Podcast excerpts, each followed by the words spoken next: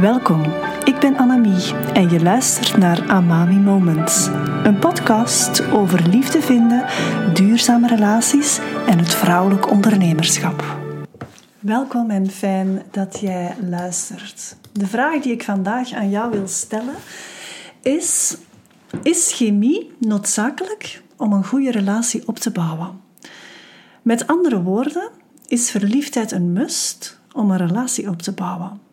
En natuurlijk houden we allemaal misschien wel van de rush van verliefdheid. Je ziet op zo'n moment alleen maar het mooie en het goede. En het doet jou zweven en alles lijkt dan ook veel gemakkelijker te gaan in het leven, alsof je een bepaald, ja, omringd wordt door een bepaalde energie. We weten ook allemaal dat verliefdheid voorbij gaat. Dus eens je door de sluiers van verliefdheid door kan zien en je ontmoet aspecten van die persoon die misschien wat triggeren of wat minder in lijn lijken te liggen met wie je denkt dat die persoon is, dan kan er een bres geslagen worden in de flow van dat verliefdheidsgevoel. Vera Helleman schrijft in haar Emotie-encyclopedie dat verliefdheid een interessante emotie is die vaak niet goed wordt geïnterpreteerd. Want volgens haar gaan we onbewust aangetrokken zijn tot mensen die in een bepaald aspect resoneren met onszelf en met wie we zelf dus zijn als persoon. Als het passend materiaal is, dan kunnen we verliefd worden. En we worden verliefd op dat wat harmonisch resoneert of dat wat het mooiste stukje van onszelf spiegelt. Maar in die zin dat het een stuk is dat nog ontwikkeld mag worden in onszelf of dat we misschien wat vergeten zijn over onszelf. En ik kan de visie van Vera Helleman hier zeker volgen, want, en ik trek het zelf ook even door vanuit mijn kennis, hoe meer iemand geëvolueerd is, zijn innerlijke werk heeft gedaan of aan het doen is, hè, dat, moet, dat is nooit afgerond waarschijnlijk, hoe bewuster het inzicht uh, dat hij heeft in diepere zelfkennis, hoe minder gemakkelijk je echt head over heels verliefd zal worden. Je kunt het ook anders beschrijven. Hoe ouder en wijzer je bent, hoe minder snel je verliefd wordt. En dit zou ook kunnen betekenen dat verliefdheid dus vaak geen noodzakelijk criterium is om een relatie op te baseren. Integendeel, verliefdheid is een fase en hoeft niet per se naar een bepaalde relatievorm te evolueren.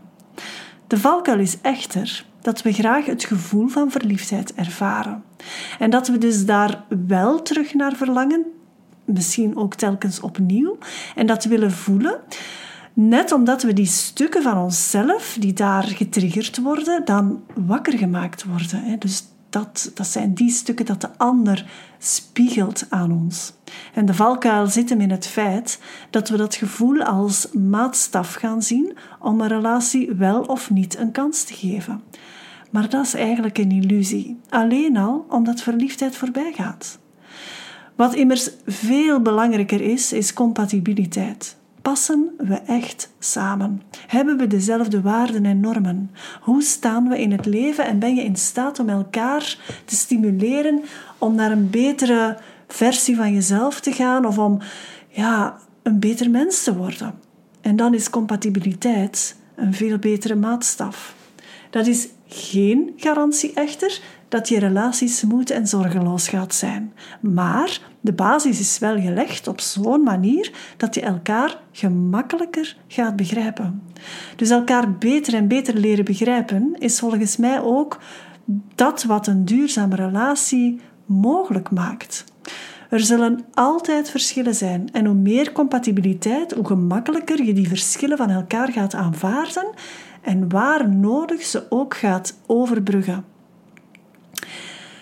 En dan kan je de vraag stellen: is chemie dan helemaal niet belangrijk? Goh, ik denk het wel. Het is wel belangrijk. En ik zeg heel vaak aan mijn klanten dat er een fysieke aantrekking moet zijn in die mate dat je die persoon naast je ziet liggen in je bed. Als je dat niet ziet, als je dat niet voelt dat dat mogelijk is, ja, dan kan het echt wel lastig worden. Maar weet dat fysieke aantrekking kan groeien als de emotionele aantrekking en dus de compatibiliteit groter wordt. Dus een basis aantrekkingskracht is wel aan de orde. Nu, als ik het heel even concreet mag maken, dan wil ik een situatie schetsen waar recent een klant van mij is doorgegaan.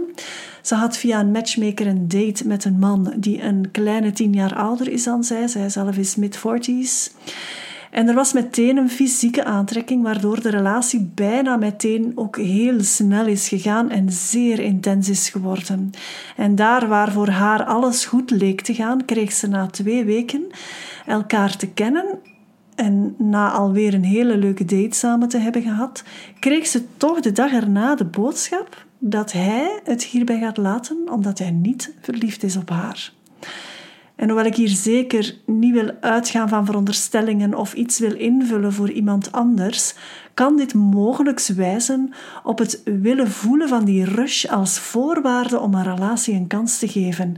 En als die rush dan uitblijft of die is, die, die is heel snel weggeëpt, ja, dat er dan ook geen kans meer wordt gegeven om aan de bereidwilligheid om compatibiliteit te gaan onderzoeken en emotionele aantrekking te gaan opbouwen. En voor haar kwam dit als een donderslag bij heldere hemel. Vooral omdat ze, ja, er totaal geen enkele aanwijzing is geweest dat die relatie fout zou zitten. Um, natuurlijk, het was maar twee weken en daar kunnen we wel iets over vinden natuurlijk. Hè, maar ja, het gekke was dat hij haar herkende in heel veel mooie aspecten van haar en toch concludeerde dat hij niet verliefd was. Dus mogelijk is, is dit echt wel een voorbeeld van de manier waarop chemie hier boven compatibiliteit wordt gezet en ons steeds naar de next best thing wil doen verlangen, terwijl dat geen enkele garantie is op een duurzame relatie. Wat mijn tips hierbij zijn, Eerst en vooral vertraag je proces. Hoe sterk de aantrekking ook is, ga niet meteen puur impulsmatig in de aantrekkingskracht mee, waardoor je vaak heel snel alles op tafel legt. Hoe sterk je het ook wil en denkt dat het juist zit, hou je hoofd erbij, blijf dicht bij jezelf en durf het hele proces vertragen. Ik heb ooit in een eerdere podcast ook gezegd: wie het tempo van de relatie in de hand heeft, heeft eigenlijk ook de relatie in de hand.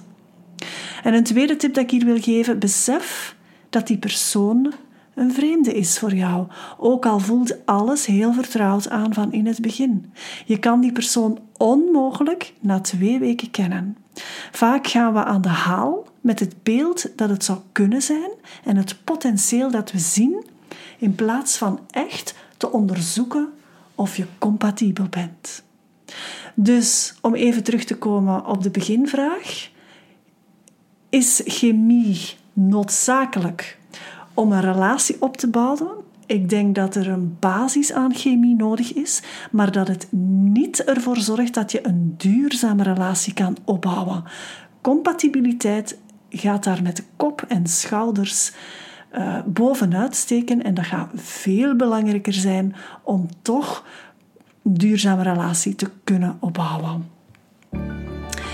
Vind jij waarde in deze podcast? Help mij dan mijn visie te verspreiden door de podcast te delen via je eigen social media kanaal. Geef jouw sterrenreview en volg de podcast zodat je geen enkele aflevering mist. Wil je graag samenwerken met mij? Neem dan contact op via de link bij deze aflevering. Ik kijk alvast uit naar jouw feedback en hoop je snel weer te ontmoeten in een volgend Amami Moment.